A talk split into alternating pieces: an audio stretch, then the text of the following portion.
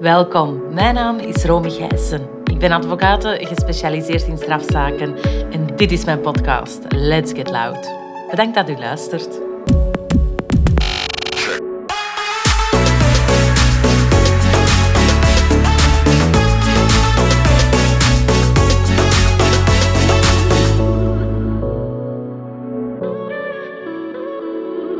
U luistert naar de laatste aflevering van het vierde seizoen. Het vierde seizoen dat kadert binnen het thema drugs.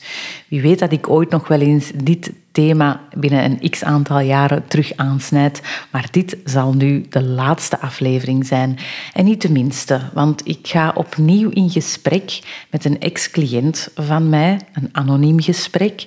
Uh, met iemand die op jonge leeftijd in aanraking kwam met een drugsmilieu, zwaar veroordeeld werd en uiteindelijk zijn strafuitvoering uh, heeft doorlopen en momenteel in vrijheid werd gesteld.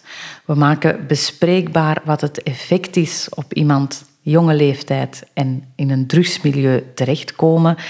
We maken ook bespreekbaar wat uiteindelijk het effect is van een bestraffing en hoe men kijkt naar de toekomst als ex-gedetineerde. Welkom. Ik uh, ga u niet bij naam noemen, dat hebben we afgesproken, omdat u ex-cliënt bent van mij en we gaan het een beetje over, over feitenverloop hebben en, en uw detentieverloop en dergelijke. Maar toch, welkom uiteraard en fantastisch dat je wilt deelnemen aan mijn podcast en dat wij hier een gesprek kunnen aangaan samen. Uh, ik had wel een beetje gekaderd. Mijn vierde seizoen uh, gaat over het thema drugs. Dus ja, logisch dat u hier uh, voor mij zit. Ja, ja, ja. Dank u wel. Misschien moeten we gewoon even wel heel kort um, schetsen. Um, want ik, ik ken u sinds u 21 jaar. Op dit moment ben je net 24 geworden. Net 24 geworden, inderdaad, ja. En ik denk de eerste keer dat we elkaar ontmoet hebben was in de gevangenis. Ja, zeker. Toen zat u al twee maanden in voorlopige hechtenis, als ik mij niet vergis. Klopt. En dan heb ik uw dossier uh, verder behartigd. Ja, misschien moeten even zelf proberen te kaderen waarom dat je inderdaad uh, in detentie zat en, en hoe, hoe dat, dat verlopen is, uh, wat de reden was. Ja, tuurlijk. ja, nee, zoals je zegt, wij ontmoetten elkaar na twee maanden nadat ik werd opgepakt. En dat was in maart toen werd ik op de snelweg aangehouden rond een uurtje of twee over zes door uh, ja, de federale politie van België. Onderweg naar Nederland. Um, toen ben ik onmiddellijk in de boeien geslagen, midden op de snelweg. Uh, omdat er toen drugs in mijn auto was gevonden. En dat ging om cocaïne. Uh, ja, ik was vertrokken vanuit een laboratorium. Wat al onder observatie stond. En toen die vrijdag, 26 maart, ben ik opgepakt. Toen ben ik gelijk in hechtenis gestoken. En toen werd ik voorgeleid aan de onderzoeksrechter. En vanuit de onderzoeksrechter ben ik doorverwezen naar de gevangenis van Turnhout. PI Turnhout. En ja, daar ben ik met andere medeverdachten op een gegeven moment ingestoken. Hebben we inderdaad een proces van een jaar lang inderdaad. Uh, ja, het onderzoek heeft heel lang geduurd, dat klopt. Het onderzoek duurde een jaar lang. Uh, de eerste twee maanden had ik een andere advocaat die ik had aangesteld gekregen. Maar dat was een beetje een uh, nerveuze Piet. Dus uh, ja, zijn naam ga ik ook niet noemen natuurlijk. maar ik vond wel dat het waren serieuze telastleggingen. Dus ik dacht ook bij mezelf van ik moet wel gewoon een, iemand hebben die daar een beetje met karakter ook staat in de zaal. En toen kreeg ik uw naam inderdaad via via te horen. En heb ik u benaderd. Toen bent u mij op komen zoeken in de gevangenis. En ja, sindsdien uh, was ik overtuigd en dacht ik, ja, dit wordt mijn tijger. Ja, ja oké, okay, goed. Bedankt, bedankt voor, voor het compliment alvast. Maar um, het was, allez, ik denk dat ik vanaf bij aanvang, mag je toch wel zeggen, dat ik u ook wel bewust heb gemaakt van het feit van, oké, okay, dit is um, een, een, stevig dossier. Ja. Uh, omvangrijk dossier, omvangrijk drugsdossier. Um, er is wel wat, wat werk uh, mee gemoeid natuurlijk. En qua uh, resultaat, qua strafmaat toe dan, uh, heb ik u wel verwittigd um, dat er toch wel zware straffen op stonden in België. Hè? Dus u wist wel op dat moment waar dat u voor stond. Tuurlijk, tuurlijk, tuurlijk. Het was ook op een gegeven moment begreep ik dat toen wij ook binnenkwamen, kregen we ook krantenartikelen van andere medegedetineerden, ook onder de deur geschoven vanuit de Telegraaf, van de Gazet van Antwerpen, van alles kregen we dan onder onze celdeur ge- doorgeschoven. Met eh, ja, een serieuze grote koptekst, wat over onze zaak ging. Dus toen kregen we al het gevoel en de indruk dat het een eh, ja, nogal gevoelige mediazaak zou gaan worden. En dat we daar ook een van de eerste mee waren. Dus ja, dan sta je automatisch onder een heel vergrootglas. Er komen dan ja, heel veel advocaten dan bij kijken. Verschillende onderzoeks... Of tenminste één onderzoeksrechter inderdaad, onderzoeks- kwam er maar bij kijken. Maar wisten we wel dat we voorlopig nog niet naar huis zouden gaan. Dat praatte ik mezelf wel aan het begin nog een beetje aan. Omdat ik eh, ja, nog nooit eigenlijk in detentie zelf had gezeten. Dus ik dacht ook bij mezelf van... eh, ja, in principe wordt het twee maanden en dan ga ik gewoon lekker naar huis. Maar eh, ja, zo verliep het helemaal niet. Nee. Ik had u even terug met de voeten op de grond gebracht. zeker, gezegd zeker, van, ze- ja, ja, ja. Never going to happen, Nee, niet nee, in dit nee. geval. Ja. Hè, dus u wist dat. Ja, maar kunnen we het daar even over hebben? Hè, je hebt zelf al een beetje gekaderd. Er zat inderdaad, ik was 21 jaar, er zat een heel dosis cocaïne in mijn koffer. Ik werd tegengehouden richting de snelweg. Ehm, u bent Nederlander, hè, mogen we zeggen. U bent hier in, in België dan voor die criminele organisatie eigenlijk terechtgekomen.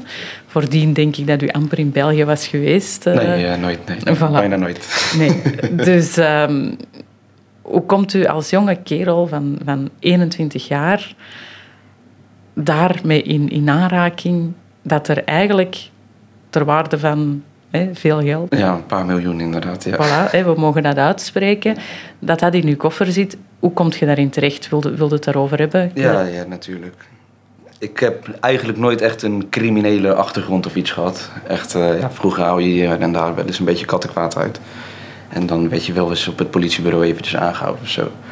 Maar verder qua drugsgerelateerde dingen nooit echt wat op mijn pad gekomen. En nooit ook mee in aanmerking geweest. Of aanraking meegekomen. Eh, ik had ook altijd ambities om het leger in te gaan. Eh, daar heb ik ook gewoon een eh, opleiding voor gedaan, een vooropleiding voor gedaan. Toen ben ik ook mezelf gaan aanmelden bij het leger zelf. En ja, dat verliep toen helaas in een fiasco. Omdat ik toen tijdens een keertje een uitgaansavondje heb ik toen een ruzietje gehad. En dat was niet de gedragscode die Defensie natuurlijk vereiste. Dus werd ik op staande voet ontslagen. Toen kwam ik een beetje in een ja, verloren fase, soort van noem ik het ook maar. Een beetje een duistere fase. Waarvan ik helemaal niet eens wist wat ik eigenlijk wou. Want dat was altijd mijn plan A. En ik had helemaal geen plan B, omdat ik wist dat ik moest en zal slagen daarin. En ja, al mijn pijlen die waren daarop gericht. Dus toen ik op een gegeven moment die klap ontving, dacht ik ook van... eh, ja, wat moet ik nou met mijn leven? Ja, klinkt heel zielig een beetje hoor, maar... eh, ja, je komt eigenlijk een beetje in een donkerdal. Toen heb ik allerlei soorten baantjes een beetje eh, ja, uitgevoerd. Van vloeren leggen tot kabel trekken tot eh, ja, weet ik veel wat allemaal. eh barwerken, 15, 16 uur lang. En eh, allemaal de minder goed betaalde baantjes. Met ja, bijvoorbeeld bij het kabeltrekken allerlei soorten, ja, als ik het zo mag noemen, drugsverslaafde mensen eigenlijk. Die hun werkzaamheden dan verrichten. En om vijf uur nog eens bij het opstaan een nakje cocaïne namen. Dus toen ja, was ik een jonge gozer van 19 jaar, 20 jaar, beetje zo. En toen dacht ik ook bij mezelf van, nee, dit, dit is het niet. Dit wil ik niet de rest van mijn leven eh, gewoon eh, mezelf gaan eh, ontwikkelen met dit soort mensen. Dus toen heb ik heel lang nogmaals in een verloren fase alleen maar gefeest een beetje. En gewerkt door de week. En in het weekend alleen maar mezelf een beetje verdoven met feesten. En toen op een gegeven moment leerde ik een man kennen. En ja, die zag hoe ik eraan toe was, zeg maar zo gezegd. En toen bood hij mij een eh, baantje aan. En dat ging erom om eh, dingen te vervoeren. Zelf wist ik dat dat geen illegale, illegale dingen nog waren, maar het waren gewoon voornamelijk eh, producten die ik van, de lever, van een groothandel of zo moest gaan inkopen ergens en dan heen en weer vervoeren. En ja, in de loop der fase, gewoon in de loop der maanden en weken, kreeg ik telkens meer vertrouwen. Ver- verdiende ik ook mijn vertrouwen bij meneer. En ja, bood hij me op een gegeven moment andere dingen aan om te gaan vervoeren. En ja, ik kreeg het gevoel dat ik weer eigenlijk werd geaccepteerd door iemand. Want dat gevoel had ik heel erg nadat ik was ontslagen. Ik had altijd wel die status van, uh, dat is uh, de jongen die marinier wordt. Dat is de jongen die het leger ingaat. Uh, is gedisciplineerd, verantwoordelijk, noem hem allemaal op. En dat was natuurlijk nadat ik ontslagen was, was het gewoon in één keer compleet weg. En toen kreeg ik dus na al die ellende weer, kreeg ik dus het gevoel van, ja, ik word weer geaccepteerd word weer als een waardig persoon uh, gezien. Ik kan weer iets. En ja, op jonge leeftijd ja, ga je daar natuurlijk automatisch weer helemaal goed door voelen. Want op best jonge leeftijd ervaar je dan die ellende en dan voel je weer automatisch helemaal goed. En dan ja, krijg je een tunnelvisie van hoe het eigenlijk helemaal niet hoort te gaan. Denk je dat het juist wel gewoon goed is. En ja, dan ga je slechte dingen doen. Om juist gewoon telkens nog steeds weer geaccepteerd te worden en gewaardeerd te voelen. Maar je weet op dat moment wel, ik ben met crimineel feiten bezig. Op een gegeven moment wel, ja. ja, ja, ja. Maar is dat dan, zoals dat je zegt, die tunnelvisie, waardoor dat je doorgaat en die acceptatie, of is dat meer een adrenalinekick, of, of hoe moet ik dat zien? Het is sowieso een combinatie van alles ook hoor. Want uh, kijk, probeer het niet alleen af te schrijven dat het een tunnelvisie is. Kijk, ik ben ook gewoon een persoon die uh, ervan bewust is. Heel veel andere mannen staan er bijvoorbeeld heel anders in, maar ik geloof het niet elke man houdt gewoon van status. En van geld natuurlijk. En ja, op dat moment kreeg ik dat zeg maar deels allebei ook. En ja, voelde ik helemaal het mannetje natuurlijk. En ja, als man zijnde voel je dan een soort van onoverwinnelijk. Maar ja, je bent eigenlijk gewoon je eigen graf aan het graven met wat je aan het doen bent. En ja, op jonge leeftijd zie je dat ook gewoon niet in. Je weet wel dat je bezig bent met criminele feiten en je denkt, ah joh, mij gebeurt niks, mij gebeurt niks. Het gaat allemaal gewoon goed, het is goed georganiseerd en uh, er gebeurt niks. Risico's zijn, waren op dat moment nog best nieuw.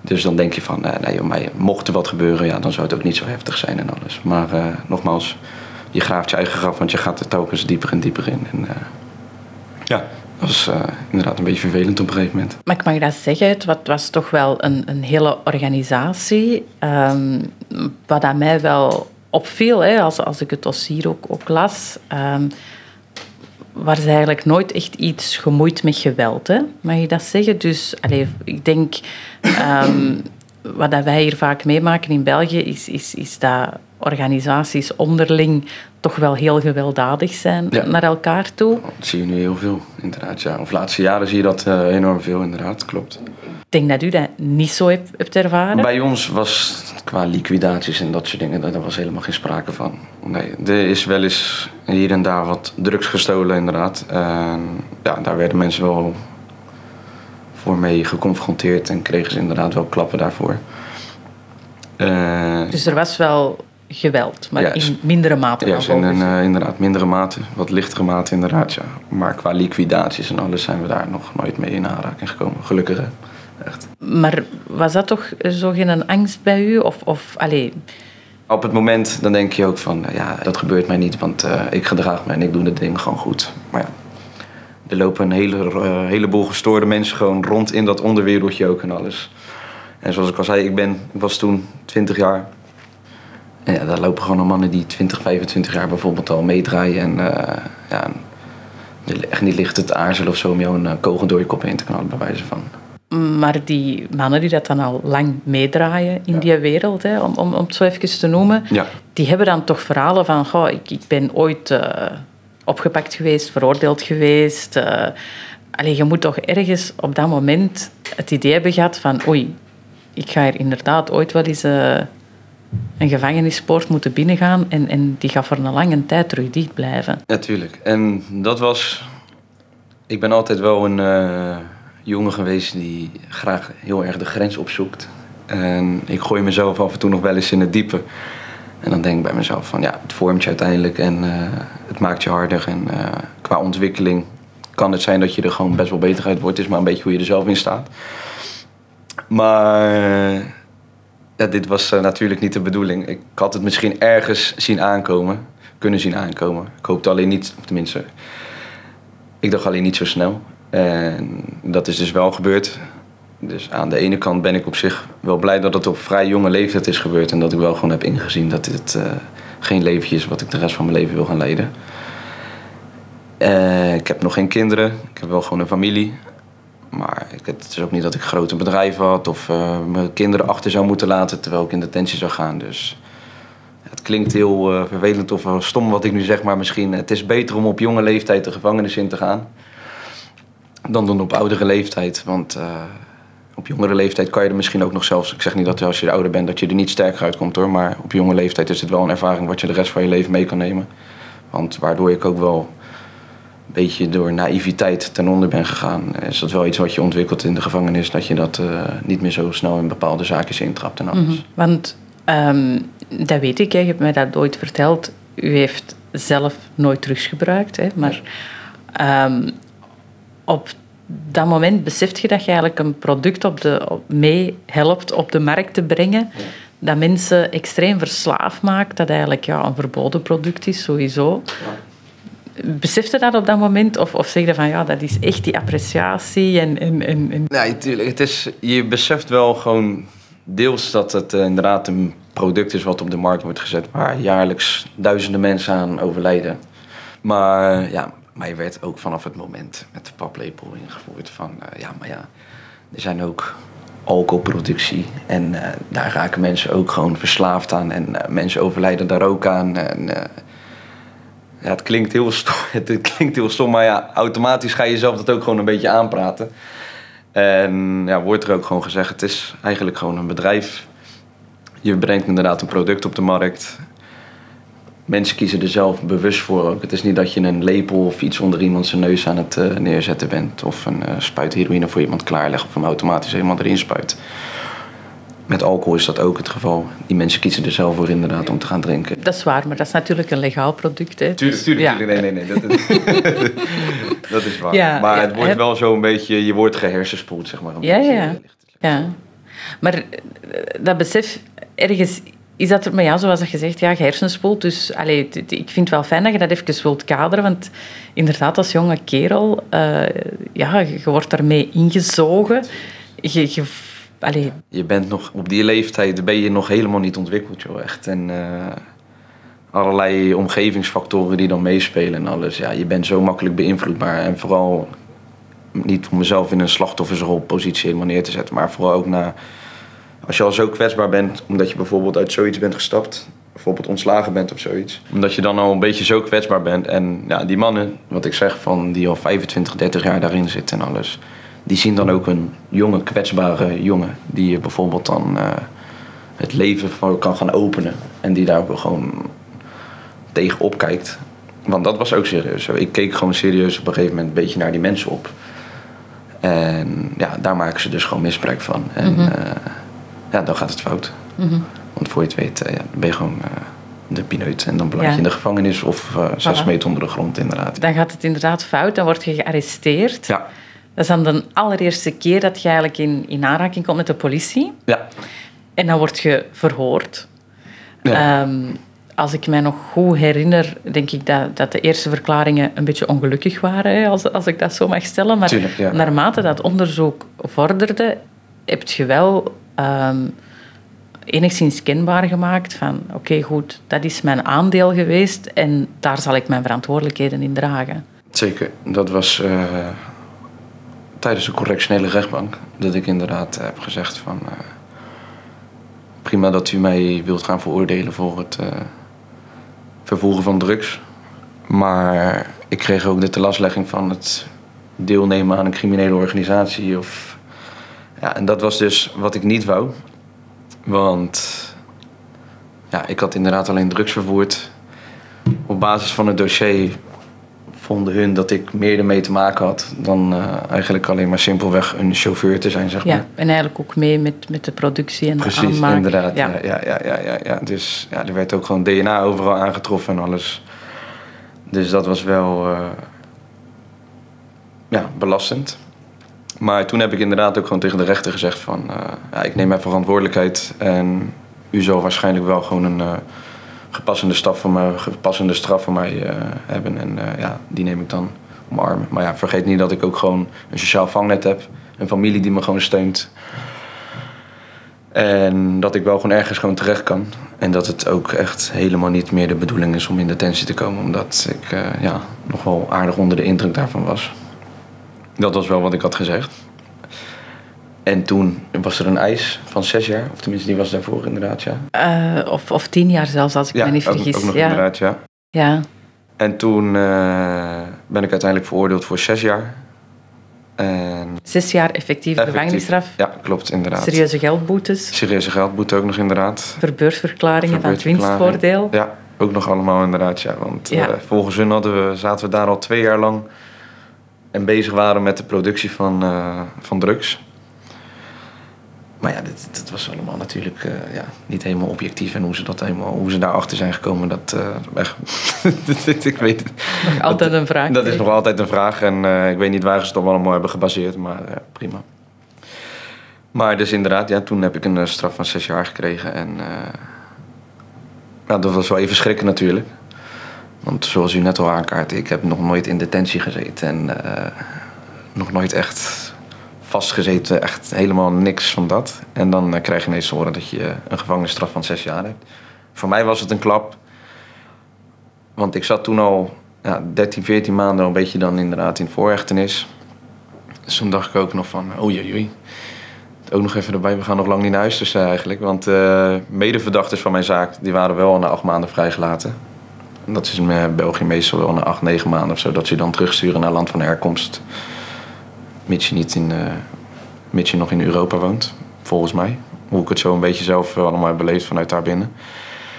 Dus dat was voor mij ook wel natuurlijk een eh, ja, mentale klap. Want ik zag iedereen weggaan. En dan bleef ik samen nog achter met nog een drie, vier medeverdachters. Terwijl er dan al een groep van acht naar huis was gestuurd. En toen dat allemaal ook begon, van dat die groep medeverdachters allemaal naar huis werden gestuurd, dacht ik ook van, d- dit is het moment waarop naar huis gaan sturen, gestuurd gaan worden. Dus eh, ik ga nog een kerst thuis meemaken. En dat dacht ik ook. Maar ja, toen helaas, toen eh, kreeg ik te horen dat, eh, dat ik niet naar huis mocht. Dat was zo frustrerend ook. Want ik dacht, waarom nou niet? Want hun dachten ook dat ik echt een coördinerende, leidinggevende taak binnen dat laboratorium had. En toen probeerde ik hen ook gewoon wijs te maken. Maar hoe, hoe moet een 21-jarige hier verantwoordelijk voor zijn? Wat denken jullie nou zelf? Ja, nee, maar eh, je weet het gewoon en eh, je hebt er veel meer mee te maken. En eh, uiteindelijk hebben ze me wel van leidinggevende rol naar, wat, naar een coördinerende rol. Dus ja, of het Dat nou klopt. Echt, ja, dat hebben ze wel gewoon eh, aangepast. Maar ja, zelfs dan dacht ik nog bij mezelf van... eh hey, doe even normaal jongens. Even serieus. Dus ja, dat was... eh, Maar uiteindelijk hebben we berust in die veroordeling wel, van zes jaar. Ja, zeker. Uiteindelijk wel. En dat was ook gewoon het beste wat je kon gaan doen ook. Want kijk, we konden ook in hoger beroep gaan. Maar ja, vanuit mijn eigen ervaring, hoe ik het al, dat hele proces had meegemaakt, dacht ik, als ik hier nou hoger beroep ga. En hier en daar hoor je natuurlijk wel eens van binnen ook wel van. eh, ja, wat er op hoger, eh, hoger beroep gebeurt. Ja, jij zei altijd al van, ja, iedereen daarbinnen als gedetineerde denkt dat hij een rechter of eh, procureur is en zo. Maar ja, iedereen spreekt wel gewoon best wel vanuit eigen ervaring of eh, ervaringen van anderen en alles. Dus probeer je daar wel een beetje voor te behoeden. En vooral met drugszaken. Dus toen dacht ik ook van, eh, ja, als ik een hoger beroep ga. Als ze hiervoor dacht dat ik bijvoorbeeld een leidinggevende functie had. En ze gaan maar ergens graven en ik weet maar niet. En ze zijn nog niet zo objectief, dacht ik bij mezelf. Ja, dan ga ik dadelijk met tien jaar naar huis en eh, daar heb ik helemaal geen zin in. Dus toen heb ik inderdaad berust. Hebben we dat gewoon besloten. En hebben we alles ingezet Ja. op een reclassering. Maar Ja. misschien wel even uw detentie. Hoe heb je dat ervaren? Ja, kijk, ik kwam binnen in turnout. Dus waarschijnlijk de mensen die nu horen wat, eh, waar ik binnen ben gekomen, weten dat het gewoon een complete drama is. Ehm, Dat is eerlijk. ja, ja het, is, het is gewoon een hele oude gevangenis. De vleugel waar je binnenkomt is dat een, eh, ook nog bij een geïnterneerde afdeling. Natuurlijk, geïnterneerden liggen wel gewoon op de begane, begane grond. Maar ja, gedetineerden zitten op de tweede en derde verdieping. Dus ik wist ook nog de eerste avond toen ik eh, daar sliep. Toen sliep ik met een celgenoot ook. En eh, ja, voor hem was het ook de eerste keer gevangenis. Dat was een medeverdachte ook. En ja, die was natuurlijk gewoon in zijn bed aan het huilen. Want die hoorde of, eh, geïnterneerden heel de avond alleen maar slaan, trappen. Die, die, jongen zat ook vol emoties van wat er allemaal op hem af zou komen. Zijn familie in het buitenland. Want die was ook hier naartoe gekomen om een ja, betere toekomst voor zijn familie te kunnen verzorgen. En ja, dan, dan word je toch wel eventjes met je neus op de feiten gedrukt dat het helemaal geen uh, rooskleurige situatie eigenlijk is. En toen de dag erna, dat was onze eerste wandeling. ja, dan loop je ook met geïnterneerden rond als gedetineerde zijnde. Wat je in Nederland bijvoorbeeld helemaal niet ziet, want daar heb je gewoon een TBS-kliniek en een uh, gevangenis en dat wordt allemaal gewoon gescheiden. Daar liep dat allemaal door elkaar. Dus toen, aan het begin was dat voor mij ook, uh, ik wist nog helemaal niet wat geïnterneerden waren daar. Toen dacht ik, oh, dat zijn gewoon uh, een beetje de gekken die zich niet kunnen gedragen en dan beneden in het uh, of isoleer zou worden gestoken. Maar dat waren dus gewoon gasten die daar soms al drie, vier jaar zaten of iets. En dan dacht ik, jezus. En dan ja, op de wandeling dan zie je ook gewoon dat ze helemaal niet meer 100% zijn. Uh, alleen maar tegen muren of tegen zichzelf aan het praten zijn en alles. Ja, heel veel gasten konden daar wel een beetje om lachen. Maar als je er een beetje zo vanuit de neutrale beeld gaat kijken, ja, dat is helemaal niet om te lachen ook. Het lijkt wel of die jongens helemaal geen verzorging meer krijgen of hulp. Ze worden maar ook gewoon met medegedetineerden samengevoegd. En ja, dat is confronterend. Toch wel inderdaad, ja. ja, ja, ja. Want uh, kijk, wij kwamen met een groepje van acht binnen. Dus bij ons kwamen we niet zo snel. Maar we waren, waren ook gelijk met z'n allen gewoon samen. En er was niet een persoon van... oh, ik ga jullie eens even intimideren tegen acht man. Dus dat gebeurde gewoon helemaal niet. En zoals ik al zei, uh, ja, je komt binnen met de mediazaken en alles. Dus uh, dan vinden ze dat gelijk wel. Hebben ze een soort van lichte respect tegenover je.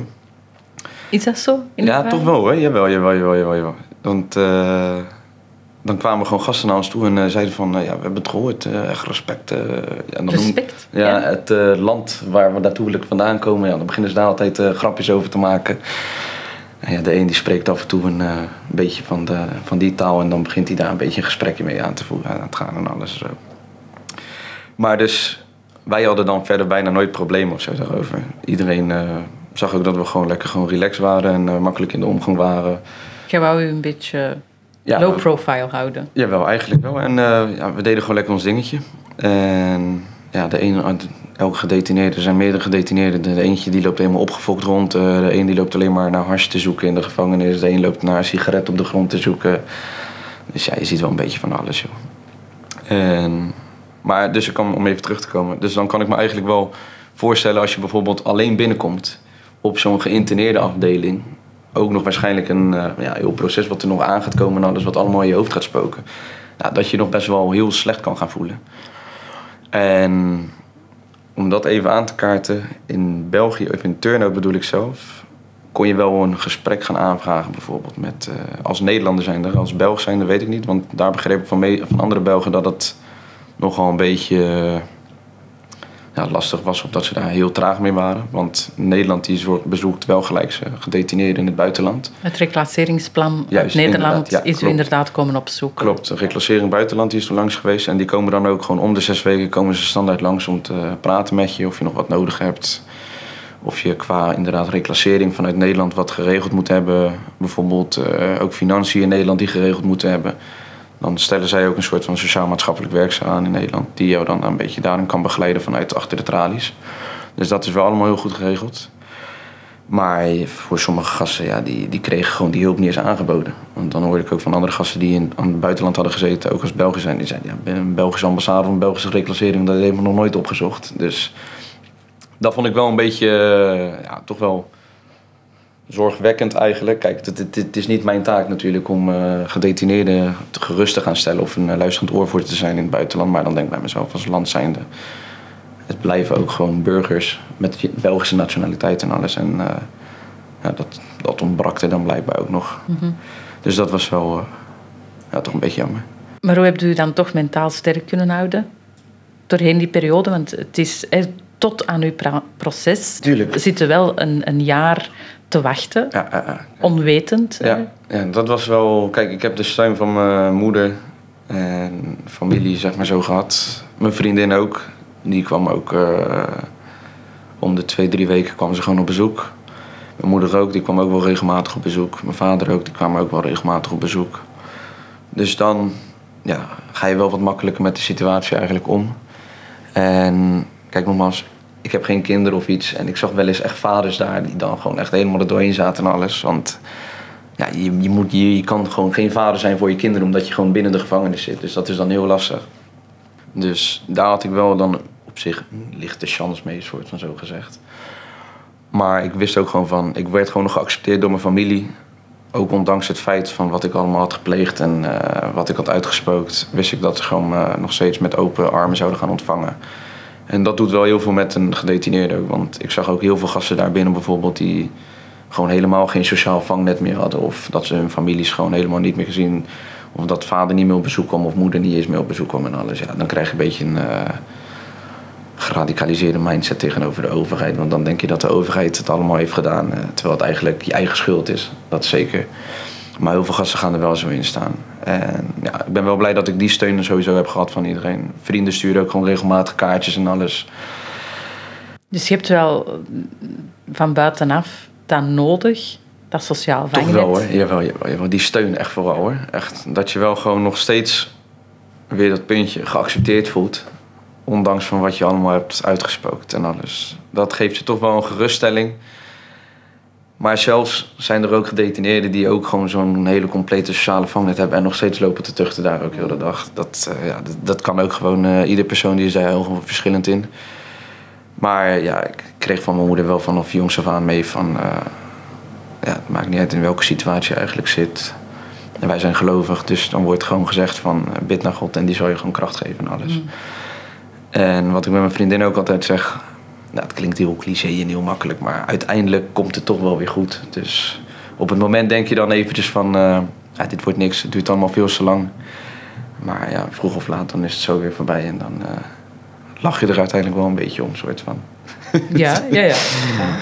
Maar um, je bent dan veroordeeld, zes jaar. Uh, we hebben daarin berust en dan hebben we inderdaad alles ingezet op een strafuitvoeringsrechtbank. Hè, omdat je natuurlijk um, veroordeeld voor zo'n lange gevangenisstraf moest je voor de strafuitvoeringsrechtbank verschijnen. Uh, vanaf het moment dat u dan in aanmerking kwam voor een voorwaardelijke invrijheidstelling, hè, zo noemt dat dan. Ja. Daar hebben wij dan die aanvraag voor gedaan en daar hebben wij alles op ingezet. Ja, klopt.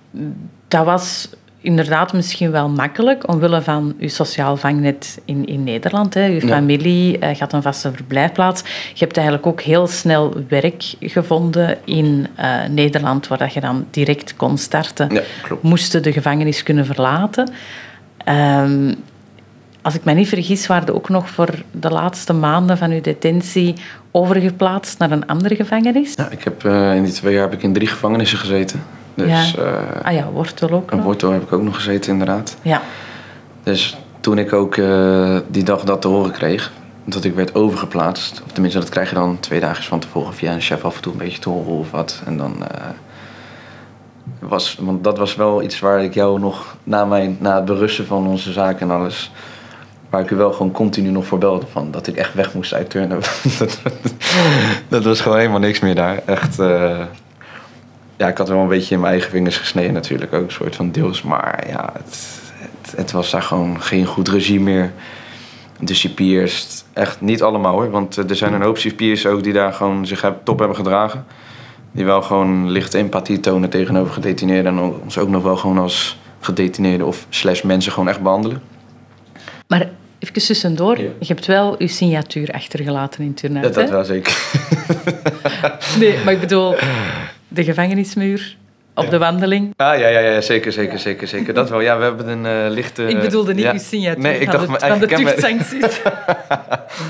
nee, nee, nee, nee. Die waren er helaas Ja, die waren er helaas ook inderdaad, ja. Maar nee, klopt, inderdaad. Ja. Dat was, was dat geen fijne ervaring? Dat was echt, uh, echt ook mijn eh, credits daar naartoe, naar CAW en uh, welzijn. Ja. Dat waren twee, of tenminste geen vrijwilligers, maar die werkten gewoon echt voor de organisatie van CAW. Dus ook voor de welzijn en de zorg van gedetineerden. En zij organiseerde dat dus ook met een uh, hele bekende graffiti-artiest, Sven. Ik weet het niet, maar hij... Uh, en zijn naam ja, ontgaat ja, me. precies, maar voor de mensen die het Boshuil kennen natuurlijk, het stadion Boshuil, daar heeft hij uh, een hele hoop graffiti-werk op gegraveerd. Dus die begeleed ons, die deed ook het begeleiden van ons tijdens het graffiti-proces. We hebben ook best wel serieus nog wat ervan geleerd, qua een beetje met schaduwen en alles ook. En qua afstand, hoe je dat dan een beetje meer diepte kon gaan geven en alles. Dus buiten het leren om was het ook gewoon heel tof dat we ook weer dat gevoel kregen dat we, werden, dat we normaal werden behandeld. Want we mochten zelfs een eigen Spotify-lijst op de tablet van uh, een uh, begeleidster mochten we dan gaan of creëren. En dat was wel echt eh, heel leuk. Er zat natuurlijk helemaal geen internet op eh, de tablet, dus niet dat ze dadelijk problemen krijgt of zo.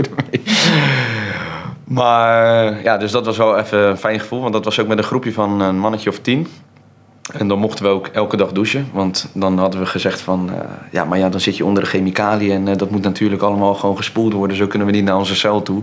Hadden we zo een beetje de directie omgepraat, want in eerste instantie wou ze dat niet eens doen, dus was nog steeds maar drie keer per week douchen. En nou, toen hebben we er zover gekregen. We kregen er zelfs zover om uh, Fernandes.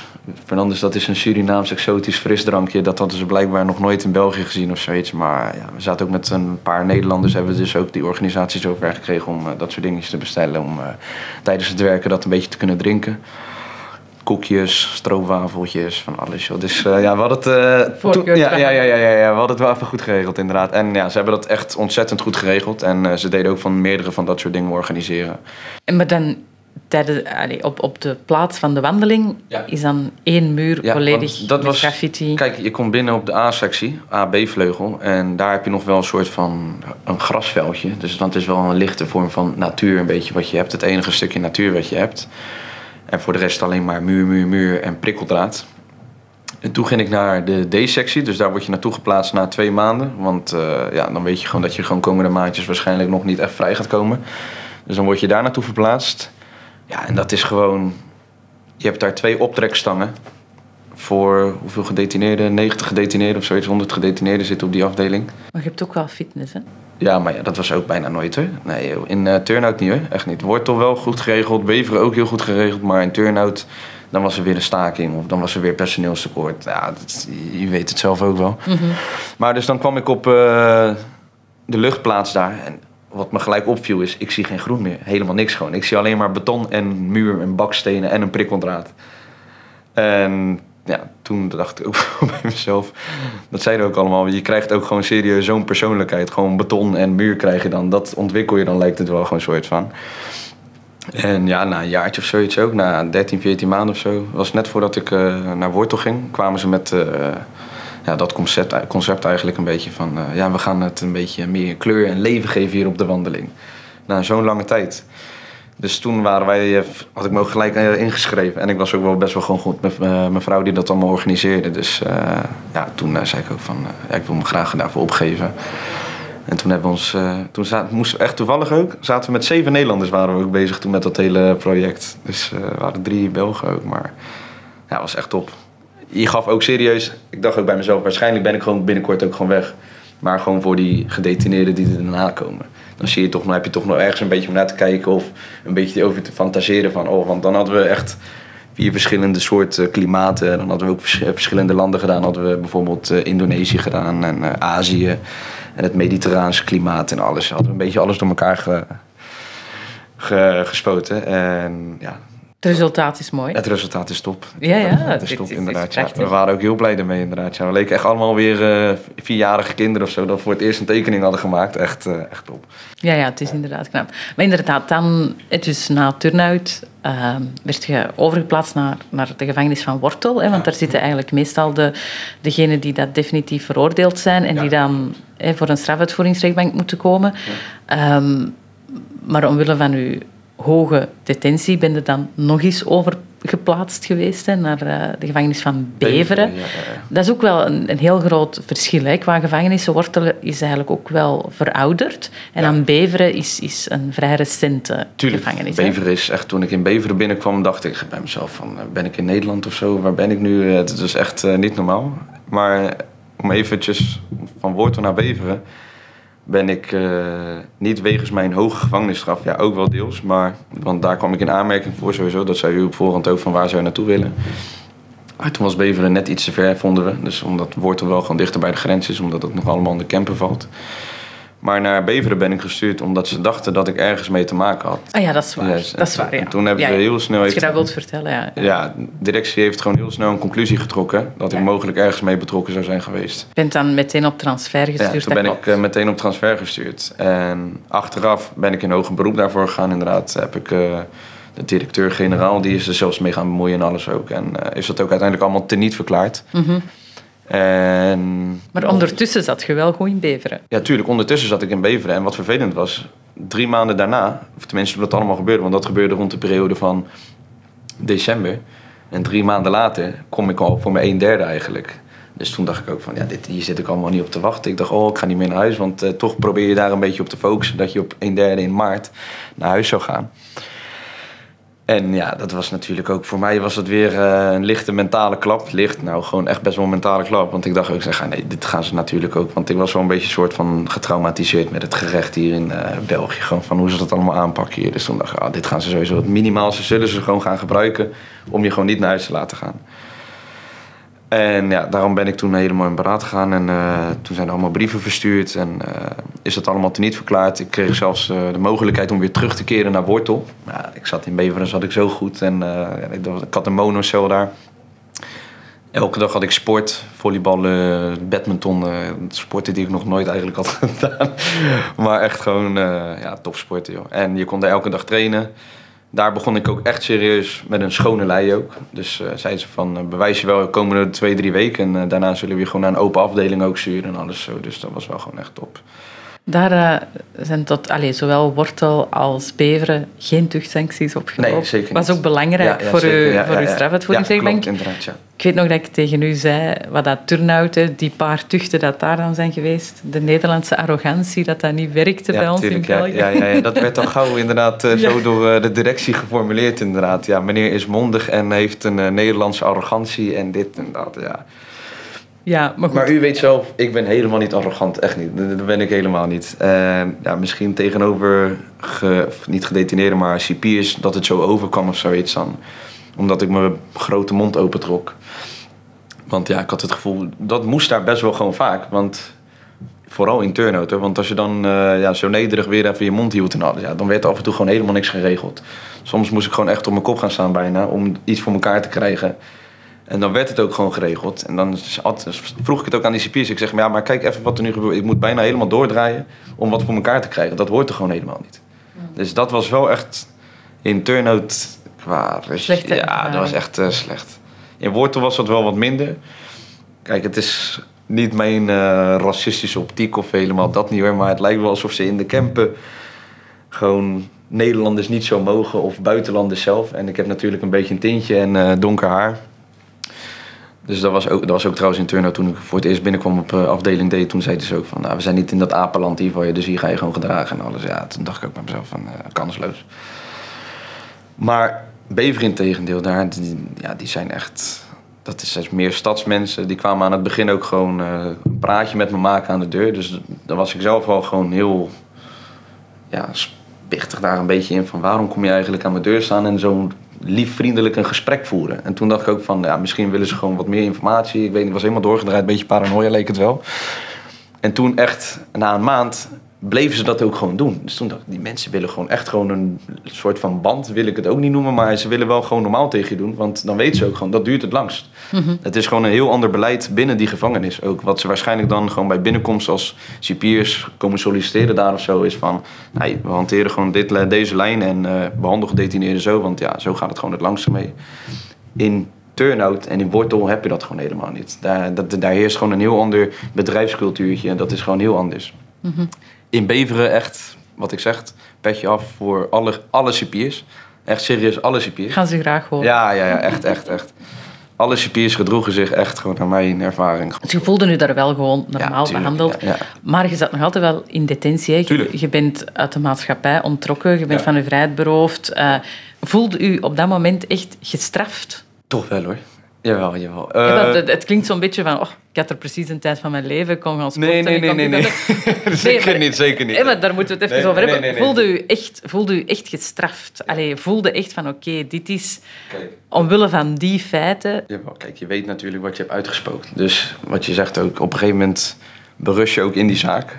Maar niet alleen in die zaak, maar ook gewoon met jezelf. Want je weet ook gewoon van, tuurlijk, ik heb dit gedaan. Hier neem ik nu mijn verantwoordelijkheid voor ik moet gewoon mijn straf uit gaan zitten. En ja, je straf is gewoon niet doen kunnen laten wat je zelf wilt. Bijvoorbeeld als er buiten wat gebeurt, je hebt dat allemaal niet onder controle. Je voelt je zo machteloos.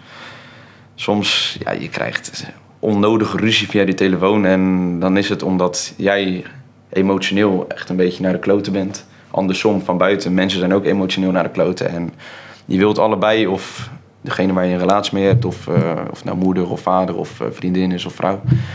Je wilt uit deze situatie, maar je voelt allebei dat het gewoon niet kan. En dat frustreert echt zo erg, waardoor je gewoon helemaal jezelf gewoon niet eens meer bent. Ik merkte ook, toen ik op een gegeven moment in Beveren was, dacht ik, oh, nou, ik voel me wel gewoon weer een soort van prima. Maar wat ik net tegen je zei, uh, je hebt toch gewoon best wel een lange periode geen vreugde meer ervaren of zoiets. Dus toen ik dan dat nieuws te horen kreeg van dat ik naar huis mocht, ja, ik kon het zelf gewoon niet eens even geloven of zo. Want uh, ja, het is. Het is, het, het is een beetje gewoon. Uh, je verwacht het gewoon helemaal niet eens meer daar. En dan denk je ook van, gaat het nou gewoon weer echt het normale leven weer beginnen dan? Kijk, het is ook maar een gevangenisstraf van twee jaar. Kijk, er zijn gewoon gasten die gewoon tien jaar zitten en alles zo. Maar ja, dat ja, maar is... daar wou ik het met u ook nog eens even over hebben. Je bent uiteindelijk veroordeeld tot zes jaar. Ja, precies. Uiteindelijk, de eerste strafuitvoeringsrechtbank dat we dienden te verschijnen, we hadden uh, alles ingezet op een fantastische reclassering. We hadden alles in orde gebracht, uh, van A tot Z. Klopt. Dus die voorwaardelijke invrijheidstelling, dat werd een feit. Hè. Dus Ja, ja, klopt. uiteindelijk heb je dan twee jaar, uh, 24 op 24, 7 op 7, in de gevangenis gezeten. Dat en wel, ja, dan komt je vrij, ineens een voorwaardelijke invrijheidstelling. Ehm, Oké, nu je staat nog wel onder toezicht van het Belgische gerecht. Hè. Je hebt voorwaarden. Daarom dat wij hier nu samen in Eindhoven zitten. Om, om, omdat, ik, omdat jij natuurlijk u niet mocht nee, verplaatsen naar België. hè. U heeft een, een verbod om, om België te betreden. Ja. Ehm, voelt dat dan echt aan als... Oké, dat is echt een, een straf. Ik heb van die zes jaar slechts twee jaar gezeten, als ik dat zo mag zeggen. Ja, straf. Pas op, ik heb voor u gepleit voor de Nee. Ik wou natuurlijk ook dat, dat die voorwaardelijke vrijheid, Tuurlijk, tuurlijk, invrijheidstelling een feit werd, Ja, ja, ja. omdat je dat ook verdiende en je hebt er het perfecte profiel voor. ja, klopt, klopt, klopt. Maar ik vraag me af, hoe voelt dat als veroordeelde? Ja, kijk, zelf was ik daar natuurlijk wel gewoon een beetje heel sceptisch over. En toen dacht ik ook bij mezelf van, ja, want jij was helemaal optimistisch daarover. En dat is echt top van u ook. Want eh, soms dacht ik ook bij mezelf, want, het is goed dat je optimistisch bent, maar we moeten toch nog wel een beetje realistisch blijven. Maar Het was het realistisch. was ook realistisch. Het was echt Realistisch. nee, daarom, daarom, daarom. Maar wat ik zeg, je zit zelf wel eens een beetje in dat negatieve eigenlijk een beetje. En ik probeerde me echt heel vaak gewoon, gewoon eh, die moed weer aan te praten en alles zo hoor. Ik heb dat ook geprobeerd. Ja, ja, ja, zeker. Echt. eh, nee, nee, nee, dat was top, dat was top. Maar, dus dan, wat mijn straf eigenlijk is geweest, is, wat, hoe ik het heb ervaren, is, je weet gewoon niet wanneer je vrijkomt. Kijk, jij zei inderdaad van, je komt in aanmerking en je kan op een derde vrijkomen en dit en dat allemaal. Maar echt, als ik jou vertel, 90% wat daar gewoon binnen zit, komt niet op een derde vrij. Vooral niet met drugsfeiten, vooral niet als Nederlander zijn, zijnde, echt gewoon niet.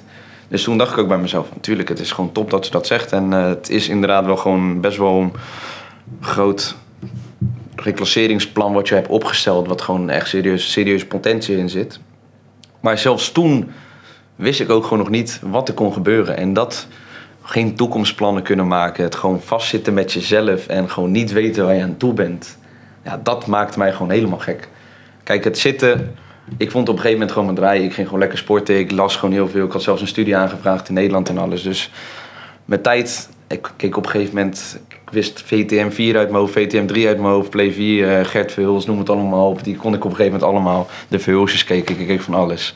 Dus ik vermaakte me op zich op dat gebied wel. Ik hield me gewoon bezig. Vermaak is een groot woord. Maar ik hield me gewoon bezig. Dus voor mij was dat gewoon. Ik had een routine. Maar nog steeds had je van die momenten bijvoorbeeld waar je dan weer eventjes niks deed. Ja, dan word je weer gewoon, dan ga je weer piekeren. En dan word je weer een beetje gek. En dan bel je weer naar huis. En elke keer als je ophangt, dan denk je, godverdomme.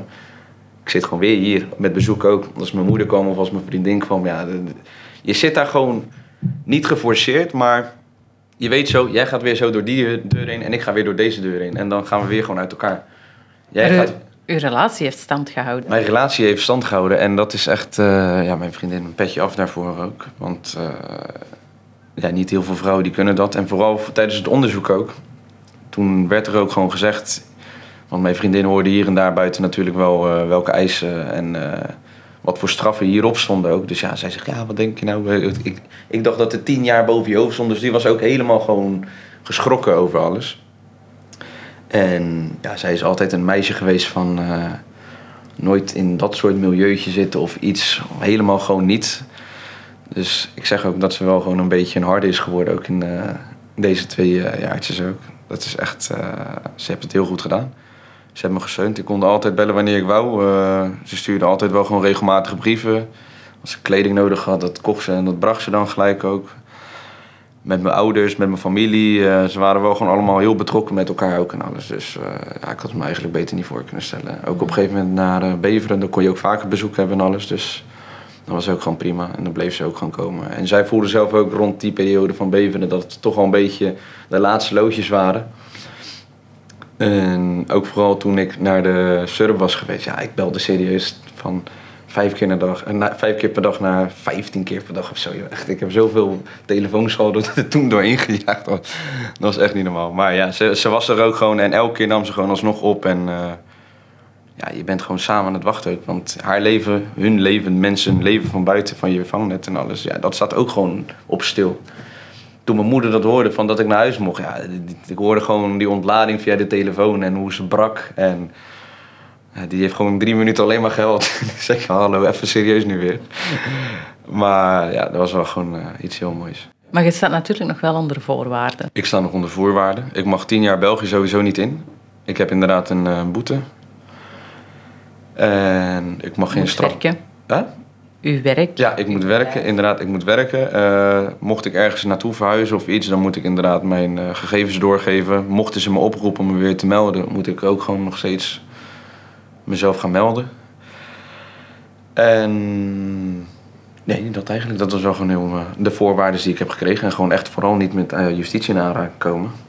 En helemaal niet in België. Dus uh, ja, dat gaan we ook helemaal niet meer doen. Nee. Nee. Nee, nee, nee, nee. Want hoe ziet je de toekomst nu? Hoe ik mijn toekomst zie.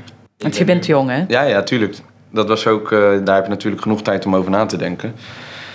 En ja, je hebt heel veel mensen die je ook gewoon proberen te adviseren, want je creëert ook gewoon een band met gedetineerden daar en alles. En je hebt daar heel veel slimme mensen, laat ik het ook gewoon zeggen. Iedereen denkt altijd van in de gevangenis alle domme Mongolen, ja, of uh, domme mensen. Tuurlijk, ja, dan kan je wel zeggen, ja, maar je bent gepakt, oh, bla bla, dus dan ben je dom. Maar ja, er zitten daar gewoon echt een heleboel slimme mannen ook gewoon jarenlang meegaan met het bedrijfsleven. Niet alleen in de onderwereld, maar ook gewoon in het echte leven. En die je dan ook gewoon ja, die hebben gewoon zoveel levenservaring. En die probeer je dan ook op heel veel dingen te adviseren. Wil je bijvoorbeeld de onderwereldkant op gaan, kunnen ze je adviseren. Maar wil je gewoon echt serieus echt wat van je leven gewoon op een normale manier gaan maken. Ja, zijn er gewoon echt een paar die je daar ook gewoon uh, heel veel ja, informatie mee proberen te geven. En uh, ook als ze gewoon zien dat je best wel gewoon een jongen bent die deugt. Ja, dan uh, hebben ze dat wel gewoon voor je over ook en alles. Ik heb ook heel veel boeken aangeboden gekregen van heel veel mensen. Die heb ik ook heel veel gelezen daar. Robin Sharma. Ja, bijvoorbeeld onder andere ook.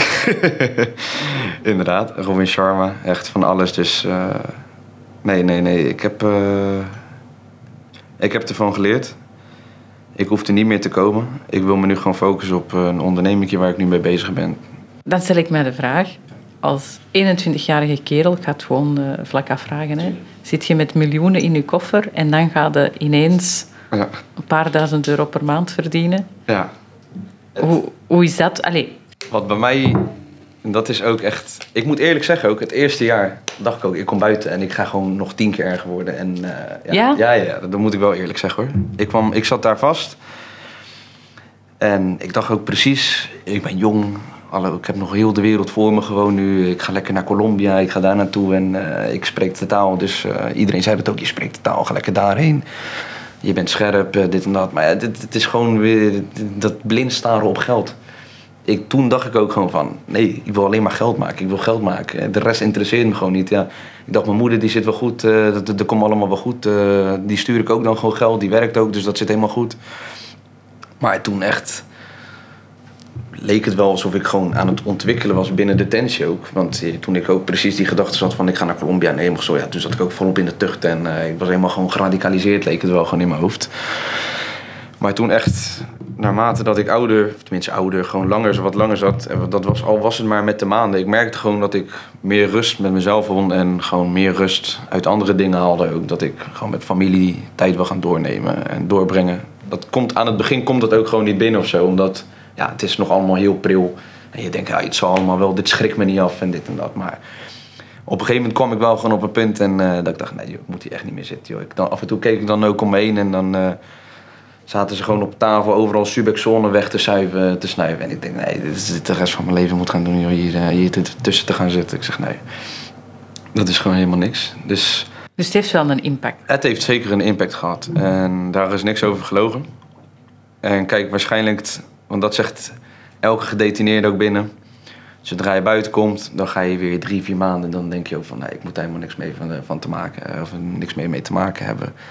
Maar ja, dan praat je weer anders als je even een koffietje met een half miljoen erin krijgt. Van, eh, doe even dit en dat. Dat je dan weer anders piept. Maar ik weet van mezelf gewoon van, nee, ik hoef dat niet meer. Echt niet, nee. Ik wil gewoon nu lekker mijn boterham op een normale manier verdienen. Gaat misschien wat slomer, maar ik kan wel gewoon lekker rustig om me heen kijken. Wil ik een dagje vrij nemen, zit ik niet te stressen of weet ik veel. Dan kan ik gewoon lekker met mijn familie op pad gaan wil ik een leuk autootje halen, dan zit ik niet te denken van, oh, ga ik hem kunnen aantonen of dit en dat allemaal. Nee, nee, nee. Ik, uh, ik ben daar klaar mee. Okay. Echt, dat, dat is een grens zoals ik net aan het begin al zei van, ik ben een jongen die graag grenzen opzoekt. Nou, dit was even een grens te ver. En dat heeft me gewoon twee jaar van mijn leven gewoon even gekost. Twee jaar van uw jonge leven? Twee jaar van mijn jonge leven, want ook dat, daarvoor was het natuurlijk ook corona. Dus heb ik ook al twee jaar niks gedaan. Dan, op een gegeven moment kwam nu ook buiten. Dan liep ik door de stad van Rotterdam en dan zag ik iedereen uit eten weer gaan, helemaal gezellig. En dan denk ik, dit is gewoon een paar jaar geleden dat ik het allemaal heb gezien. Dus nu, ja, kan ik weer lekker een hapje gaan eten. Ik kan even ergens een drankje gaan doen of uh, lekker gewoon een wandeling gaan maken ergens door de stad. Uh, terwijl er gewoon een beetje leven is. Dat lukt nu gewoon allemaal ook. Dus je denkt wel van, ik ben sterk genoeg. Ik ga niet meer in de verleiding komen. Ik kan op andere manieren geapprecieerd worden en, en mijn ding doen. Wat dat er eigenlijk het gevolg van is, mm dat besef ik nu dat dat inderdaad de moeite niet waard is. Niet waard is, inderdaad. Kijk, het is... Want je staat ook nog lang onder voorwaarden. Dus ja, ja, nee, dan, nee, dat heeft ook zijn consequenties. Nee, ik kan sowieso niks doen. nee. Nee, maar het is... Ik hechtte eerst heel veel gewoon waarde aan, aan geld en aan status en alles en zo. Maar ik weet ook dat je gewoon zonder geld kan je ook bijvoorbeeld een heel leuk leven hebben.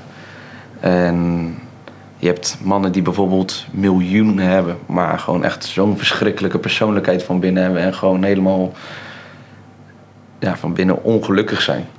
En ik weet ook gewoon, ook al heb ik misschien nu minder geld of iets, ik, kan me gewoon, ik voel me gewoon heerlijk. Ik, mijn persoonlijkheid, ik voel me gewoon meer tot rust. Ik kan gewoon lekker lachen met mensen en alles. En uh, ja, ik deel mijn ervaringen mee als bijvoorbeeld iemand een beetje gewoon uh, zie dat hij uh, een beetje aan het ontsporen is, ja, probeer ik hem gewoon een beetje bij te sturen. En uh, wil ik geen vaderfiguur gaan uithangen, want ik ben net 24. Even serieus, maar als ik gewoon een, bijvoorbeeld een steentje kan bijdragen door iemand even een beetje wat moed in te plaatsen of zeggen van nou, dat dat het gewoon helemaal niet is, mhm. dan doe ik dat graag. En ja, voor mij hoeft het gewoon allemaal niet meer, joh. Echt niet. Ook niet als ik 30 ben of 40 jaar. Zeg nooit nooit, je weet het niet, maar... Uh, nee, het is uh, sowieso niet het plan. Echt. Nee, dat is absoluut... Ik heb mijn familie zien lijden en alles, joh. Nee, dat is helemaal niks, Echt niet. Nee, nee, nee, nee, nee, nee, nee echt niet. Nee, oké. Okay. Mooi. Um, je bent misschien wel een beetje een uitzondering. Daarom dat ik ook wel met u even... Om, omdat het het totale uiterste is. Hè. Je, je bent betrokken in, in een productie, grootschalig, op, als jonge kerel. Ja. Uh, je wordt zwaar veroordeeld, je komt er uiteindelijk uit en dan zeg je... Nee, mijn leven heeft andere waarden en normen. Natuurlijk. Ja. Het was ook voor toen ik gepakt werd. Toen uh, mijn vrienden, laat ik het zo zeggen... Die kregen dat op een gegeven moment ook dan te horen en alles. En ja, die wisten dat ik af en toe wel een beetje gek was, maar niet zo gestoord was ook. Echt dat ik uh, in zo'n zaak zou zitten. Dat had ze helemaal nooit verwacht. Soms sprak je ze dan via de telefoon. Dan zeiden ze ook van, oh, je hebt me zo laten schrikken. Joh. Wat was je nou allemaal aan het doen? Joh? Even serieus. Maar ja, destijds ook, nam ik ook gewoon afstand van heel veel vrienden. En omdat ik gewoon zelf daarmee bezig was. En uh, als dat telefoontje ging en ik moest ergens naartoe of zo... Ja, dan moest ik gewoon 24-7 paraat staan en alles. Soms was ik ook dan bijvoorbeeld met dit laatste stuk, ja, dan was ik gewoon een maand lang alleen maar in uh, België bijvoorbeeld of iets, of daar dingen aan het doen.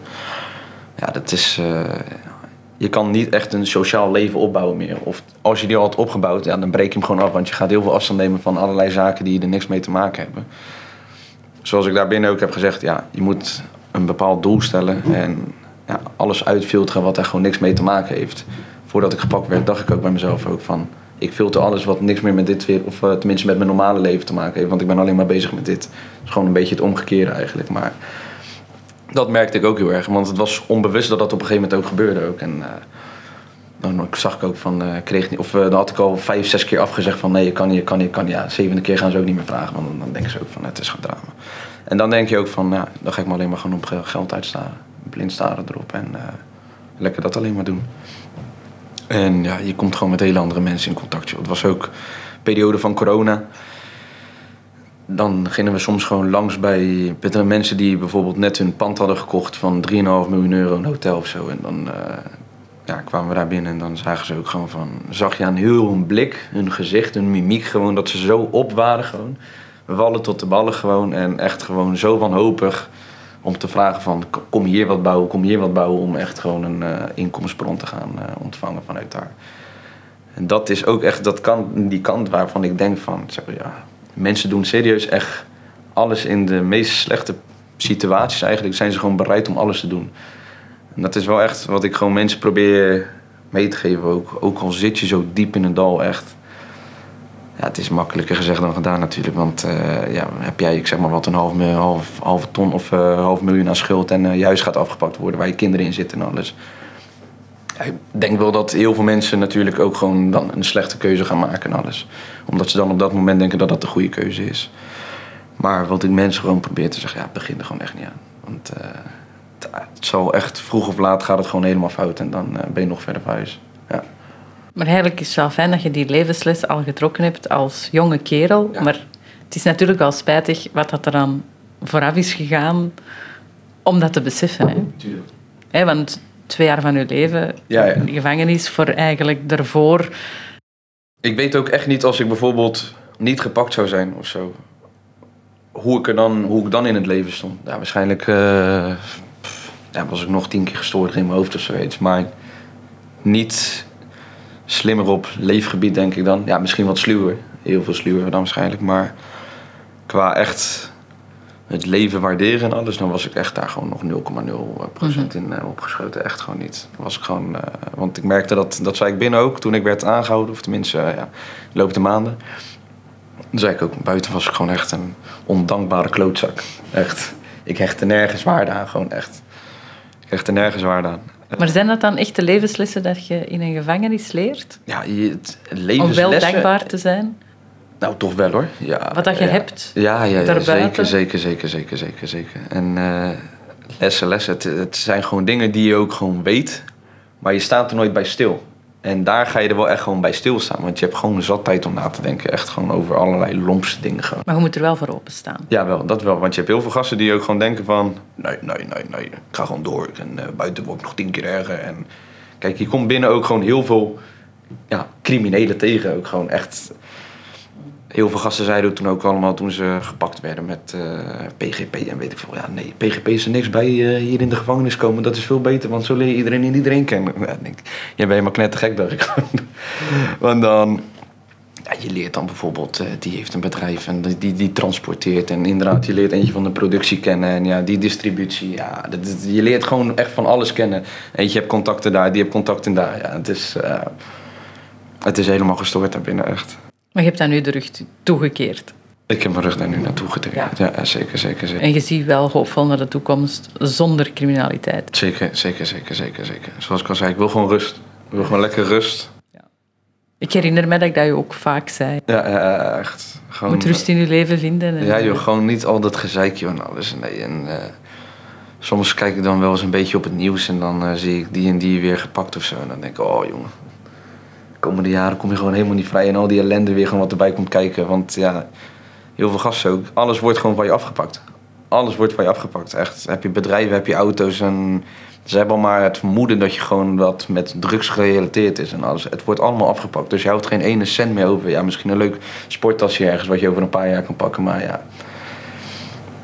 Nee, dat is, dat is dan maar niet waard, joh. Mm. Nee, nee, nee, nee, In ieder geval, um, vind ik het heel fijn dat je je verhaal uh, met mij wou delen. En allee, eigenlijk met, de, met al mijn luisteraars. Uh, zeker een meerwaarde om eens ja, de andere kant te bekijken. Hè, in, in heel het drugsgegeven. Uh. Ja, dus ja, echt... ja, alsjeblieft. U ook bedankt voor het uitnodigen en alles. En, ja, graag gedaan. Het was een heel interessant gesprek. En ja, uiteraard ongelooflijk veel succes in de toekomst. Hè, maar Mij gaat dat waarschijnlijk niet meer nodig hebben. Nee, ik denk het niet inderdaad. Nee. Ja, nee, nee, nee. Mocht ik eh, bijvoorbeeld met de auto uitwijken in België misschien, eh, dan krijgt u wel een telefoontje als ik ergens eh, weer in turnout zit. Maar dat gebeurt sowieso Nee. niet zo. Nee, dat gaat helemaal niet gebeuren.